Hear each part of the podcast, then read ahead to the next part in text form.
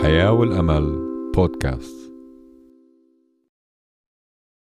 أهلا وسهلا أحبائنا المستمعين في برنامج الحياة والأمل. ومنصلي لنهار مليان بالفرح والرجاء مع إذاعتنا الحياة والأمل AWR 360 منرحب بكل مستمعينا في كل أنحاء العالم. حلقتنا لهذا اليوم بعنوان العناية الإلهية.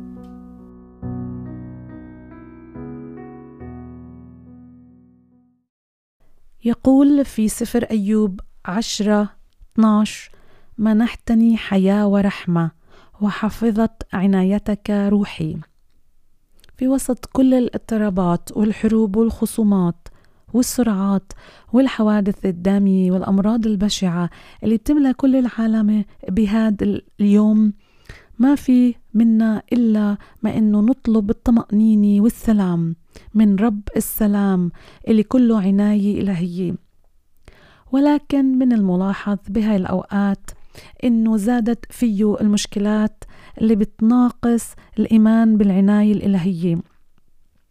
كل أعين الناس صارت تنظر للحلول المادية لكل المشكلات وكل الناس صاروا يحطوا رجائهم في الاجتهادات العلمية وصاروا يطلبوا مساعدات من الإنسان دون إعطاء مساحة للعناية الإلهية. بالطبع هذا التحول من ما وراء المنظور إلى المنظور ومن اللامحدود إلى المحدود.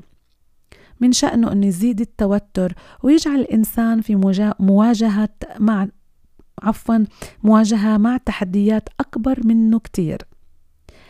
بلغ تجاه قيمة العناية الإلهية حدا رهيب. بنشوف الناس ابتعدوا جدا عن الخالق والثقة في الخالق صارت تتلاشى.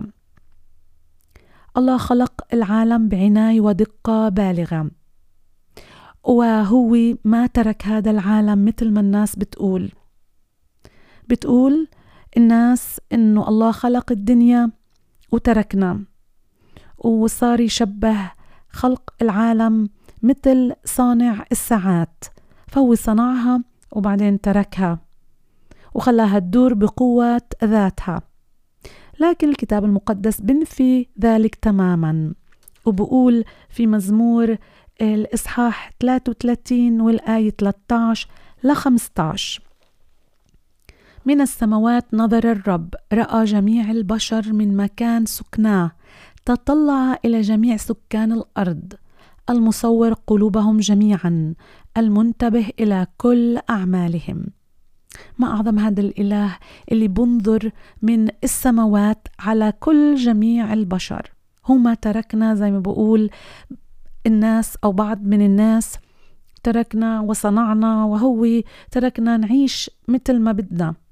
ولكن الله ما ما تركنا ولكن هو عم بنظر على كل جميع البشر. تطلع إلى جميع سكان الأرض. إيش هو الإيمان بالعناية الإلهية؟ وزي ما قلنا في بداية حلقتنا عنوان حلقتنا العناية الإلهية. فبدنا نفهم كيف بقدر آمن بالعناية الإلهية. العناية بالإلهية هي الثقة الكاملة. وعلي أآمن ويكون عندي اليقين التام بأنه الله اللي خلق العالم بعناية شديدة. لا زال يرعى هذا العالم اللي خلقه بذات المحبة والدقة والقدرة. هو لا يعنى بنظام العالم فحسب بل أيضا يعنى بخلائقه جميعا كجماعات وأفراد. أنا وانت أخي وأختي المستمعة. هو في عناية فائقة لإلك ولإلك. بسمع الصلاة وبسدد الاحتياجات وبتدخل بالرعاية والحماية والمعونة بحياتك.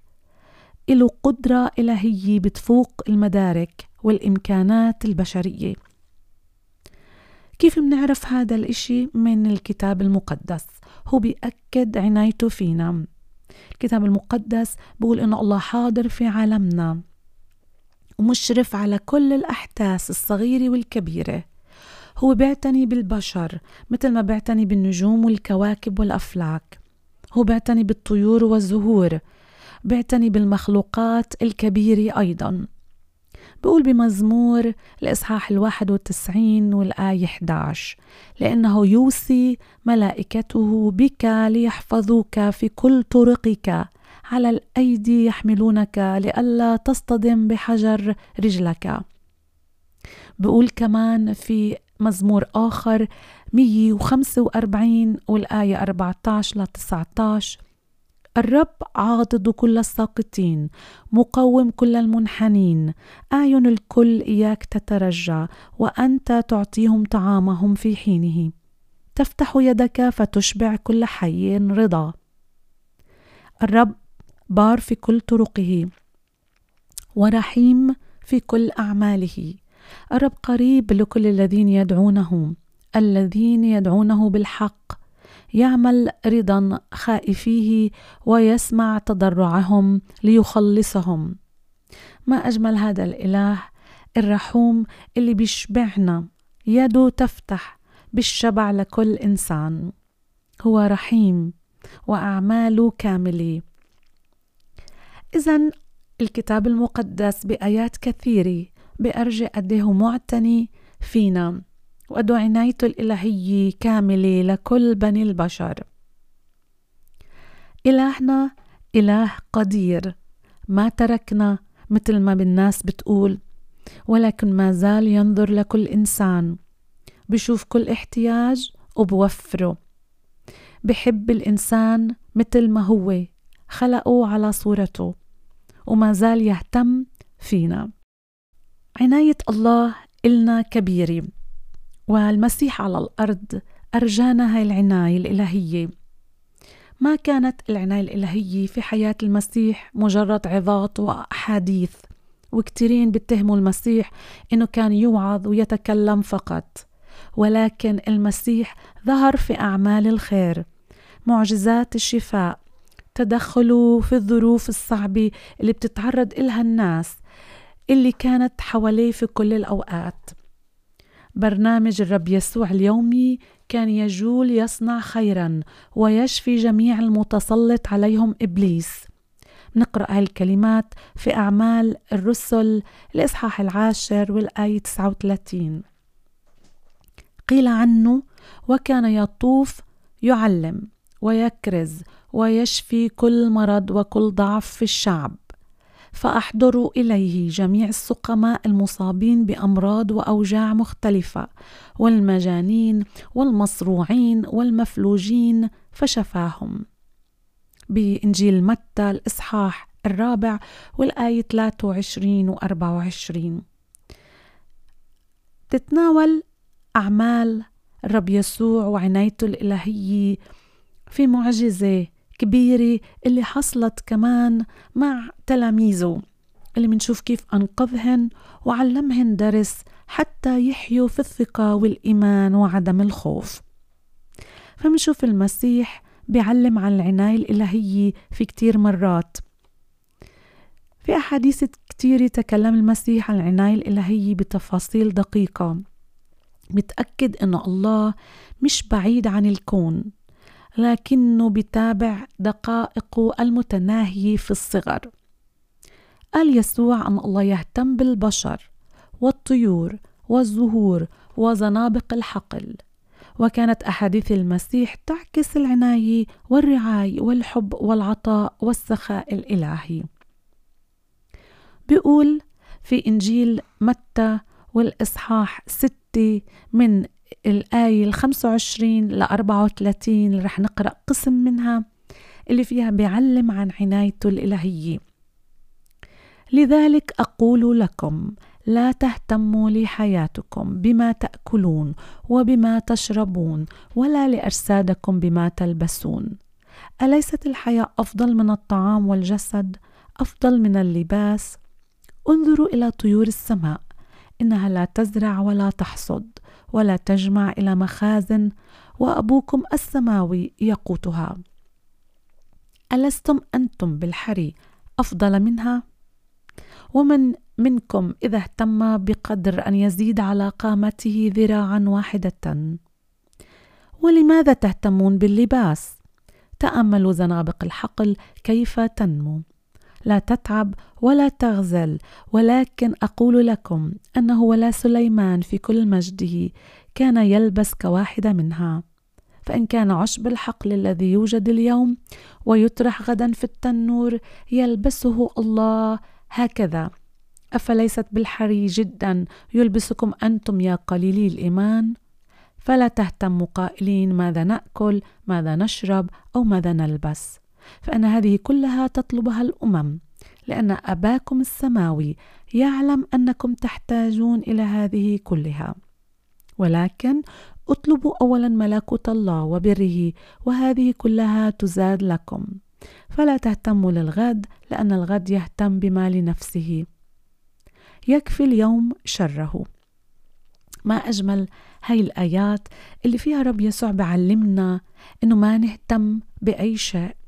ولكن نتكل عليه ونعرف إنه هو بيعتني فينا هو إله العناية. ما قصد الرب يسوع هون إنه لا أبالي وأكف عن العمل وأعيش بالكسل. كلا هو قصد في هاي الآيات إنه ما أقلق ولا أخاف ولا أرتبك ولا أكتئب لأنه الرب إله حنان بحبنا وهو مثل ما بيهتم في الطيور والزنابق. رح يهتم فينا إحنا. زي ما قال أنتو أفضل من عصافير كثيرة. إحنا أحسن من هاي العصافير اللي بيهتم فيها. لو نظرنا إلى العصافير اللي بكل هذا العالم لا تعد ولا تحصى. عصافير صغيرة جدا ولكن كل عصفور يهتم به الرب. إلهنا إله العناية. ما هذا العصفور بيهتم في الصباح كيف بده ياكل وكيف بده يشرب. لأنه إلهه بيعتني فيه وإلهه بيلاقي له القوت والطعام وحتى الماء. هيك لازم نكون نفيق متكلين على الرب عارفين إنه هو بدير باله علينا بعتني فينا. ولما منثق فيه وندع ثقتنا فيه إحنا ما منهتم من أي شيء لأنه إلهنا الغني بالعناية رح يعتني فيي أنا وعائلتي. اليوم يا ريت نقول له يا رب في كل هم في كل ضيق في كل شيء عم بشوفه ما نافع في حياتي ولا عم بجيب شيء مفيد. وعم بشوف إنه أنا متروك. اليوم تعال قل له قولي له إنه يا رب أنا بآمن فيك. أنت بتعتني في الطيور بتعتني في زنابق الحقل اللي بتطلع بدون ما حدا يسقيها ولا حدا يهتم فيها وبتطلع بأجمل الألوان. أنت قادر تهتم فيي. أنا أنا الإنسان اللي خلقتني على صورتك الإنسان اللي خلقتني واللي أنت صنعتني كيف أنت بدك. أنت بتحبني وما رح تتركني. أنت رح تعتني فيي. أمين. نرجع إلى موضوعنا بهذا اليوم اللي هو عنوان حلقتنا وعنوان حلقتنا هو العناية الإلهية. ورح نشوف عناية الإلهية في قصة من الكتاب المقدس اللي الرب يسوع بالفعل اهتم واعتنى في تلاميذه بوسط ضيق كبير. واللي رح نتعلم عدة نقاط من هاي القصة مع بعض في هذا اليوم. ورح نقرأ من مرقس الإصحاح الرابع والآية خمسة وثلاثين لواحد وأربعين. خليكم معنا ما رح نطول عليكم بس من خلال هاي القصة والحادثة رح نتعلم شيء كبير لحياتنا. قد إيه الله بالفعل بيعتني فينا. بتقول الآيات وقال لهم في ذلك اليوم لما كان المساء لنجتز إلى العبر فصرفوا الجمع وأخذوه كما كان في السفينة وكانت معه أيضا سفن أخرى صغيرة. فحدث نوء ريح عظيمة فكانت الأمواج تضرب إلى السفينة حتى صارت تمتلئ. وكان هو في المؤخر على وسادة نائما فأيقظوه وقالوا له يا معلم أما يهمك أننا نهلك؟ فقام وانتهر الريح وقال للبحر اسكت ابكم. فسكنت الريح وصار هدوء عظيم. وقال لهم ما بالكم خائفين هكذا؟ كيف لا إيمان لكم؟ فخافوا خوفا عظيما. وقالوا بعضهم لبعض من هو هذا؟ فأن الريح أيضا والبحر يطيعانه أحبائنا منشوف دروس روحية في معجزة تهدئة العاصفة. والدرس الأول بنتعلمه من تهدئة العاصفة وهالقصة اللي قرأناها إنه الرب يسوع حتما هو بده حياتنا تكون هادئة. أكيد اتباع المسيح ما بعني كل شيء يكون هادئ ولكن هو بحب وبده إنه يهدي كل شيء من عاصفة في حياتنا. بتبدأ القصة بأنه صار لما دخلوا السفينة صار هناك نوء وريح عظيمة.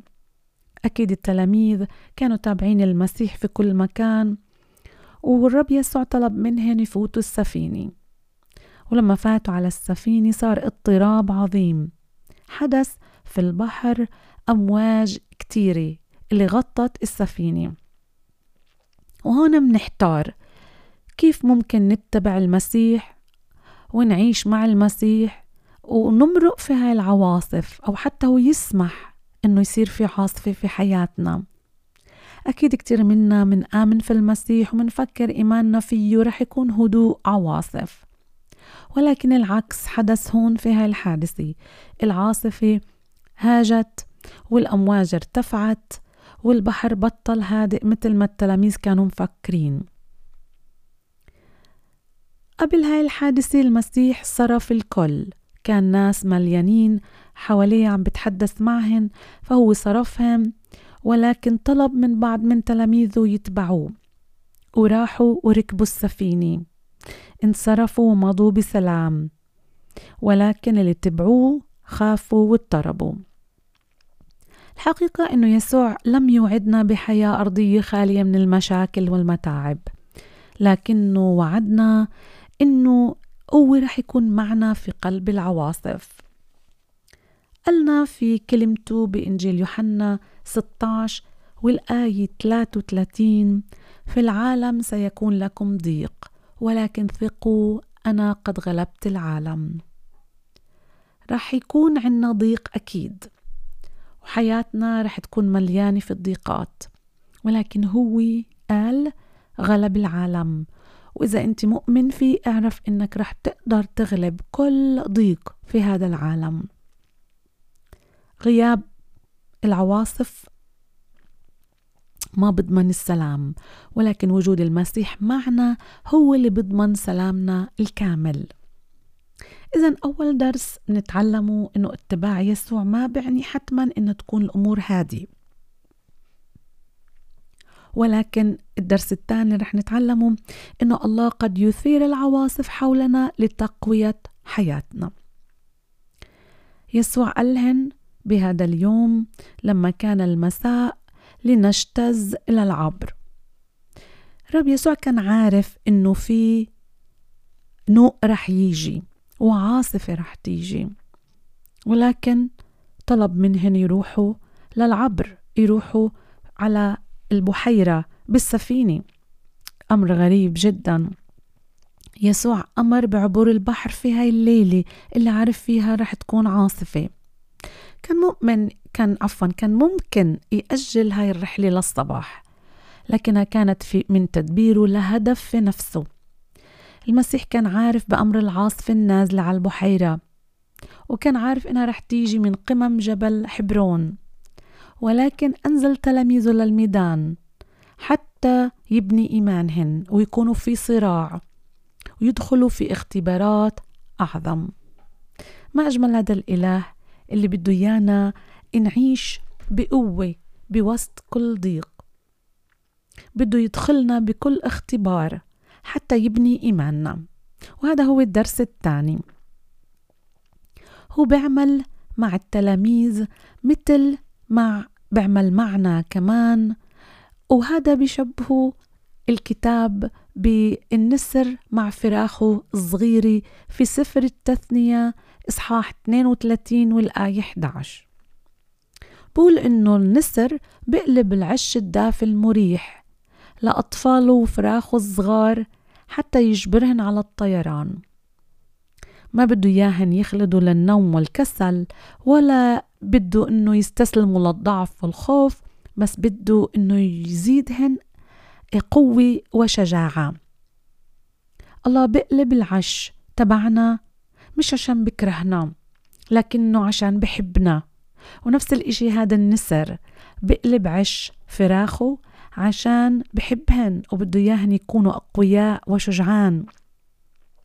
بده يفطمهن ويخرجهن من حالة الطفولة لحياة النضج والقوة والثقة. بنقلن من الحيز الضيق المحدود الآفاق العالية حتى يبسطوا أجنحتهن القوية في السماء الواسعة. النسر بيعمل هيك عشان فراخ فراخه إيه تترك إيه كل كسل. بده يتركهن بالعاصفة حتى يقووا ويصيروا شجعان.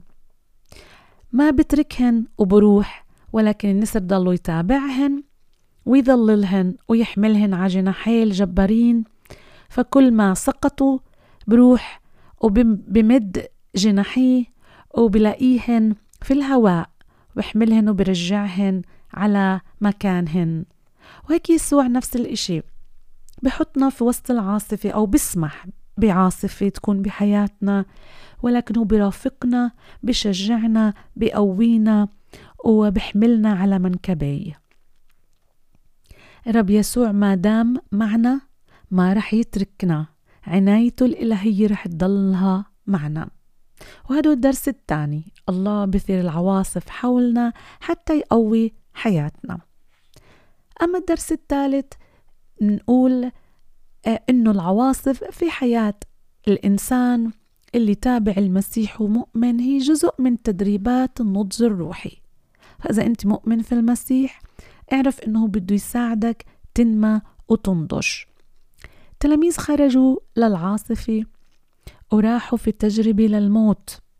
لاحظوا المسيح كان نايم في مؤخرة السفينة. كان نايم على وسادة. وهناك هني واجهوا العاصفة بقوتها. البحر كان هايج والمياه كانت عم بتفوت على السفينة. تجربة كانت قريبة للموت. كان ممكن يغرقوا. وعشان هيك هن يمكن يتساءلوا إيه كتير إيه عن الرب يسوع ليش هو نائم؟ الإنسان المؤمن بوسط الضيق بتعلم يثق في الرب. وبتدرب ينضج في الإيمان. ما أعظم الفرق بين بداية العاصفة ونهايتها؟ بيقول كاتب المزمور آه، الإصحاح 66 والآية 12 أدخلتنا إلى الشبكة. جعلت ضغطا على متوننا. ركبت إنسانا على رؤوسنا. دخلتنا في الماء والنار. ثم أخرجتنا إلى الخصم الرب يسوع بده يانا ننضج بالإيمان. ما بده يانا نعيش بإيماننا البسيط ولكن بده يانا نكبر ونكبر مثل ما الشجرة بتكبر وبتنضج وبتجيب ثمار. بكل شيء بنمرق فيه من ضيق وألم من مشكلة ومرض. كلياته الرب يسوع في هاد بيكون. بده يانا نتعلم الثقة فيه بأنه هو بيعتني فينا. وإنه بدير باله علينا. البحر بطيعه والسماء والأرض اللي خلقها هو قادر إنه هو يقول بكلمة ويخلق ويعمل ويغير. إلهنا إله القوة وإله القادر على كل شيء. هو قادر في وسط كل ضعفاتنا. إنه يجي ويقوينا ويدير باله علينا. ويقومنا من كل ضيق عم نمرق فيه. وإذا تعلمنا بأول الحلقة من هاي القصة تعلمنا إنه إلهنا إله عظيم. أول إشي اتباعه ما بعني حتما تكون الأمور هادية. وتعلمنا إنه الله قد يثير العواصف حولنا لتقوية حياتنا. وتعلمنا بالدرس الثالث أن العواصف في حياة الإنسان اللي تابع ومؤمن بالمسيح هي جزء من تدريبات النضج الروحي. وبنيجي للشيء الرابع اللي بنتعلم منه من هاي القصة إنه المسيح هو المخلص. ولما بتهاجمنا العواصف لازم نتوجه إله فورا. كتير من المرات إحنا بنروح بنتوجه لكثير من الناس. وبنفكر هن بيقدروا يساعدونا في كل مشاكلنا. أكيد كتير من الناس اللي ممكن يكونوا مرشدين ممكن يكونوا آه، أطباء اللي بيقدروا يساعدونا أكيد ويعطونا نصائح. ولكن ما في أعظم من الرب يسوع المسيح اللي بنقدر نيجي لعنده. التلاميذ راحوا لعنده ووصلوا لعنده وهناك بوسط العاصفة. أجوا وطلبوا مساعدته. ما بنعرف قد إيه الوقت مضى قبل ما يروح يروحوا التلاميذ لعند المسيح ويطلبوا النجدة يمكن استنوا شوي أو يمكن كتير ما بنعرف. ولكن أغلب الظن حاولوا أولا حفظ التوازن السفيني بأنفسهم معتمدين على خبراتهم ك إيه، كصيادي سمك. أكيد كانوا يملأوا الماء بالأجران وكانوا يرموها بقاع البحر. كانوا يقيموا الماء من قاع السفينة ويرموه للبحر لحين ما شافوا إنه السفينة عم تغرق وعم تمتلي في المي. ولكن بالنهاية بعد فشل كبير لجأوا للمسيح. والدرس اللي بنتعلمه هو إنه الله بده إيانا نتوجه إله فورا. بده إيانا نيجي لعنده بكل صعوبة. هو اللي بده إيانا نتوجه أعيننا إليه. لما بنيجي لعنده دغري في وقت الصعوبة هو رح يعطينا نصرة وغلبة. أوصانا بأقواله في الكتاب المقدس وقال في مزمور خمسين وآية خمسة عشر أدعني في يوم الضيق أنقذك فتمجدني. بقول ادعني في يوم الضيق يعني نادي علي في وقت الضيق. هو رح ينقذك وهو رح يخليك انت تمجده. اختبر جميع الأتقياء في كل عصور. خلاص الرب. وسجلوا شهادات عن الرب قد كان أمين معهن في وقت الضيق. داود قال في ضيقي دعوت الرب وإلى إلهي صرخت فسمع من هيكل صوتي. وصراخي قدامه دخل أذنيه بمزمور الإصحاح 18 وآية 6 وكمان النبي يونان نادى بوسط الحوت بعد ما بلعوا وكان هناك ثلاثة أيام. دعوت من ضيق الرب فاستجابني. صرخت من جوف الهاوية فسمعت صوتي. سفر يونان الإصحاح الثاني والآية الثانية إذا الدرس الرابع المسيح هو المخلص. لما بتهاجمنا عاصفة روح لعنده فورا. هو أول واحد. واطلب منه فهو رح ينقذك من كل ضيق. الدرس الخامس اللي بنتعلمه من هاي القصة إنه قالوا التلاميذ يا رب نجني. ما أجمل هاي الصيغة. وما أجمل هاي الكلمات اللي بنستغيث فيها. الصيغة اللي استخدمها التلاميذ في معجزة تهدئة البحر قالوا للمسيح يا سيد نجنا فإننا نهلك. طلبوا الرب يسوع إنه ينجيهن. بعد التلاميذ المسيح من الصيادين اللي هن صلهن سنين في شغل الصيد. كانوا يواجهوا العواصف دايما. وكانوا بالفعل صيادين شاطرين اللي يقدروا إنهن يتخلصوا من كل مشكلة في البحر. بس المسيح ما كان صياد ولا رجل بحر.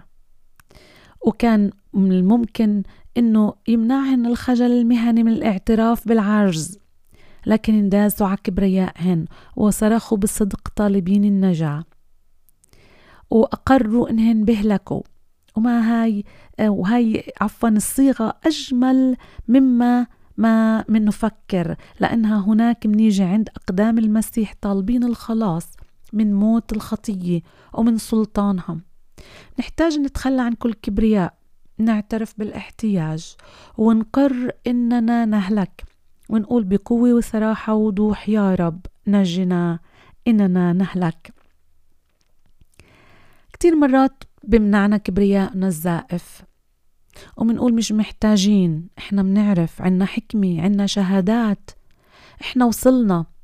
وكتير من الأمور اللي منقول إحنا ما منقدر نيجي ونطلب من أي أحد مساعدة حتى يسوع المسيح.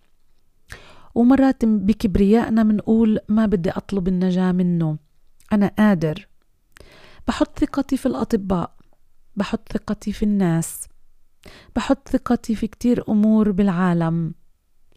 ولكن الرب بده تيجي بإنك تدوس على كل كبريائك وتقول له يا رب أعنا يا رب نجنا فإننا نهلك. يا رب نجني اليوم قل له يا رب نجني يا رب نجني أنا بصرخ إلك وبطلب منك النجاة حياتنا بعيدة عن الرب خطرة جدا. ما مندرك الخطورة اللي إحنا عايشينها. يمكن بتفكر ملذات الحياة كتير حلوة ولكنها أرضية ومش باقية وفانية.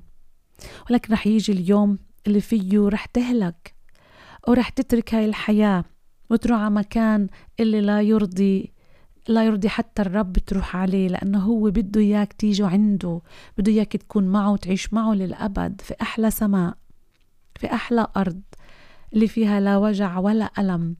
بده إياك ما تروح على جهنم النار اللي أعدها لإبليس وأعوانه. اليوم تعال ودوس على كبريائك وقول له يا رب ما بدي أهلك. الرب يسوع بيعلمنا في كلماته إنه نيجي لعنده. ونطلب ونقول يا سيد نجني.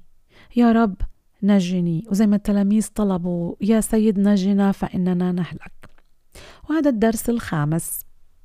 أما الدرس السادس اللي بنتعلمه من هاي القصة إنه الله مخلص جميع الناس. منفكر إنه الله بس بخلص المؤمنين أو بخلص بعض من الناس من طوائف معينة ولكن الرب بخلص جميع الناس. هو إله المخلص الوحيد اللي هاي طبيعته. بشرق شمسه على الأشرار كما على الصالحين واللي بينزل المطر والخير على الظالمين كما على الأبرار. ومش ممكن يحجب رعايته وحبه وحنانه وعطاياه عن أحد ولكن هو حنون. وبشفق وبرحم وبشفي الجميع. كتير مرات بتشوفوا إنسان مؤمن ماشي مع الله وبتلاقوا إنسان شرير جاره اللي مليان بالخير والبركة وحياته بتنعم فيها. ولكن هذا المؤمن المحتاج واللي عايش في الضيق فمنصير مرات نقارن ونقول شو هذا الإله؟ هل هو عادل؟ نعم. هو عادل. يشرق شمسه على الأشرار وعلى الصالحين وعلى الأبرار وأيضا على الظالمين وعلى الأشرار. هو أكيد بكره الخطية اللي منسويها ولكن هو بحب الإنسان كيف هو. بحبنا بدون شروط. وعشان هيك هو عنايته ورعايته ما بتتوقف على الإنسان مين هو وشو هو وشو بيعمل ولكن توقف على قديش الرب هو إله العناية. إله المحبة وإله اللي بحب كل الناس وبشرق شمسه على الأشرار كما على الصالحين. ما منقول إنه الإنسان المؤمن والتقي رح يعيش بكل تعب وألام ولكن نعرف إنه أيضا يشرق شمسه عليه ورح يكون معه. وأحلى من هيك هذا الإنسان المؤمن له حياة أبدية ورح يحيا معه للأبد. في رسالة الرسول بولس الأولى إلى التلميذ تيموثاوس. بيقول لأننا قد ألقينا رجاءنا على الله الحي الذي هو مخلص جميع الناس بتقدروا تقروا هاي الكلمات في رسالة إلى تيموثاوس الأولى الإصحاح الرابع والآية عشرة. الخلاص هون هو النجاة من الشرور والأخطار والمتاعب. ومش خلاص الفداء اللي بنحكي عنه. الله حي الله محب والله أيضا مخلص. الله ما بيقدم عناية مشروطة وما بيقدر يشوف بس سلوكيات الناس ويغير طبيعته. هو بيخلص كل الناس بده كل الناس تخلص وتيجي إله. وهو بحب كل الناس وما عنده تمييز. يونان النبي في ضيقه في جوف الحوت وفي حالة تمرد وعصيان هرب الله دعاه يروح يحكي للناس ويتوبوا فهرب من الخدمة وتمرد. ولكن الله أرسل ملائكته وهناك نجاة من جوف الحوت. وأرسل أيضا ملائكته لحراسة يعقوب وتشجيعه في خوفه في الصحراء. رغم كل ما ارتكبوا من خداع في سفر التكوين الإصحاح 28 بنقدر نقرأ هاي القصة. إذا الله بيجي لعنا وبيعيننا وبيعتني فينا وبالفعل عنايته بتظللنا. حتى ولو حتى كنا سايرين في طريق الشر. هو إله محب ما بحب الشر اللي عم نعمله لأنه خطية وبتأذيه. ولكنه بحبنا إحنا وبيعتني فينا إحنا. بمزمور 34 وآية 6 هذا المسكين صرخ والرب استمعه ومن كل ضيقاته خلصه. أحبائنا الرب يسوع محب بحبنا وبده يعتني فينا. في يوحنا 14 6 إنجيل يوحنا بيقول أنا هو الطريق والحق والحياة ليس أحد يأتي إلى الآب إلا بي. هو الطريق الوحيدة اللي بتقدر أنت تسير معه مطمن وعارف إنه هو ما رح يتركك وعنايته الإلهية معك. تعال وآمن فيه وإكسر كل كبرياء. قول يا رب أنا أهلك.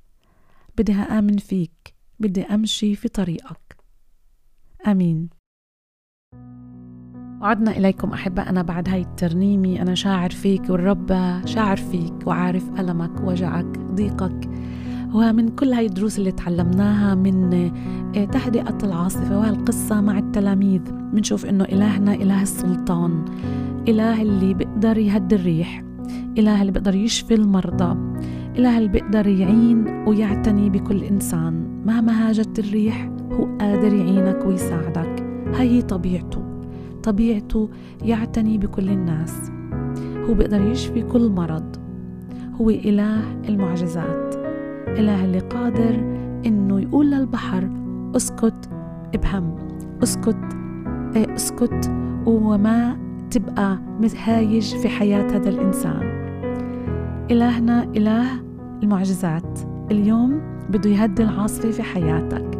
هو بده إياك تيجي لعنده وتطلبه هو حتى يهدي العاصفة اللي بحياتك. هو إله السلطان لخلاصك. هو إله اللي عليه السلطة على كل الطبيعة. آمين. وصلنا لنهاية حلقتنا لبرنامج الحياة والأمل. كنت معكم أنا إيمان وراء الميكروفون. نشكر حسن استماعكم ومتابعتكم معنا. من ود نذكركم إنه بتقدروا تتواصلوا معنا في أي وقت بكل سؤال واستفسار أو إذا كنتوا بحاجة للصلاة أو الحصول على الكتاب المقدس عبر بريدنا الإلكتروني. Hope at awr.org وعبر وسائل الواتساب على رقم زائد واحد تنين أربعة صفر تسعة صفر صفر تسعة تسعة ثلاثة تسعة. نلتقي معكم بحلقة جديدة من برنامج الحياة والأمل. دمتم برعاية الله ونعمة ربنا يسوع المسيح. مع جميعكم نستودعكم برعاية الله. وإلى اللقاء.